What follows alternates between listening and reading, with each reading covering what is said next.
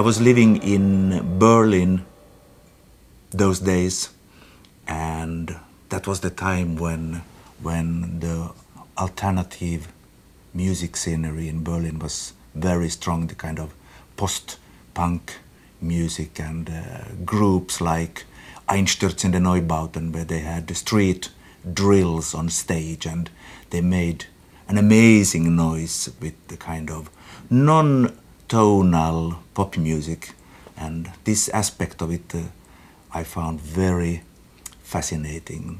In a way, it was a shock for me to see that this kind of music was going on, and I felt that I have to try to find something, not of the aesthetics, but I was jealous about the sound, the impact of sound, the huge forces they managed to put together, and I thought that why, why couldn't we do this with the forces of a symphony orchestra, which uh, has so much potential in, in, in different types of sounds. So I, I really went a long way and finally included the mobile soloist group to, to play untypical instruments. Uh, a performance of this piece takes a visit to the local scrapyard to bring in plenty of junk. I wanted to include instruments that produce noise. So everything from sandpaper to stones, everything from metallic scrap where you have uh, small pieces of metal that you make noises with,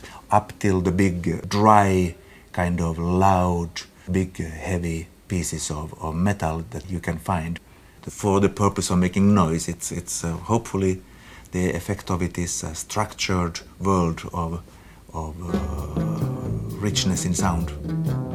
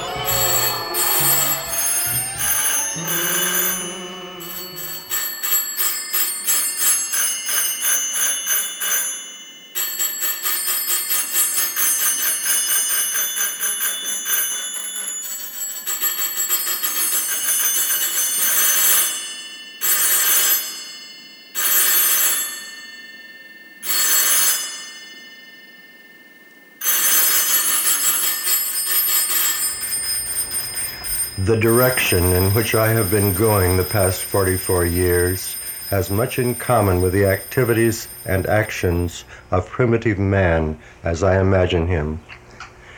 Primitive man found magical sounds in the materials around him, in a reed, a piece of bamboo, a particular piece of wood held in a certain way, or a skin stretched over a gourd or a tortoise shell, some resonating body. He then proceeded to make the object, the vehicle, the instrument, as visually beautiful as he could. His last step was almost automatic the metamorphosis of the magical sounds and the visual beauty into something spiritual. They became fused with his everyday words and experience, his ritual, drama, religion, thus lending greater meaning to his life. These acts of primitive man become the trinity of this work magical sounds, visual form and beauty, experience, ritual. Meaningfulness must have roots. It is not enough to feel that one's roots extend back only a decade or a century. It is my strong belief that the human race has known and abandoned magical sounds, visual beauty, and experience ritual more meaningful than those now current.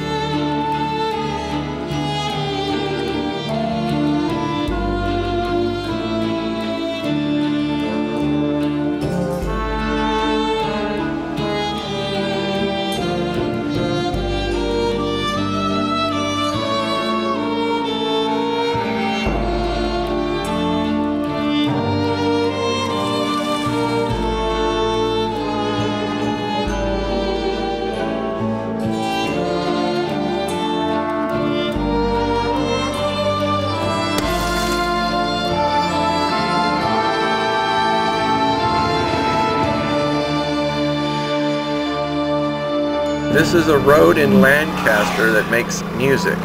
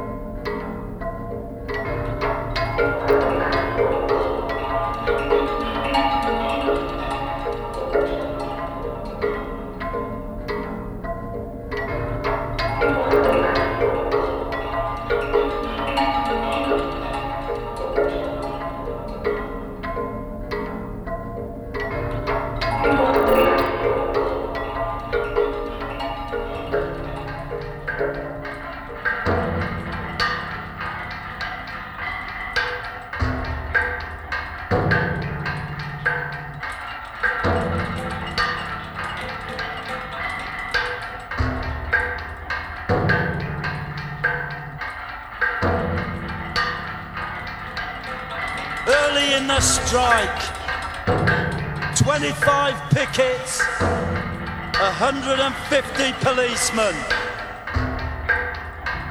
I want to talk to the captain and the crew. You can't, you can't come past here. Something about the ship and the attitude of the police. I had to try. I jumped up onto this wall and try to make my way through the police lines. This policeman come running at me. I dived flat on the ground. I was dragged off to this van. A policeman showed up with a camera. They dragged me out of the van, dropped my feet. I put my arms in the air and slid straight to the floor. They picked me up young officer pulled me in. But he couldn't manage it. Another one pushed me back with the palm of his hand. Another one up me in the headlock. This is how my photograph came out. They threw me back in the van. Along this dirt track, the van stopped, the door flies open. This big policeman's, get out! I'm not getting out, I'm protesting at the forceful photographing. He jumped in and grabbed me by the throat, tried to pull me out of the van. I never moved. I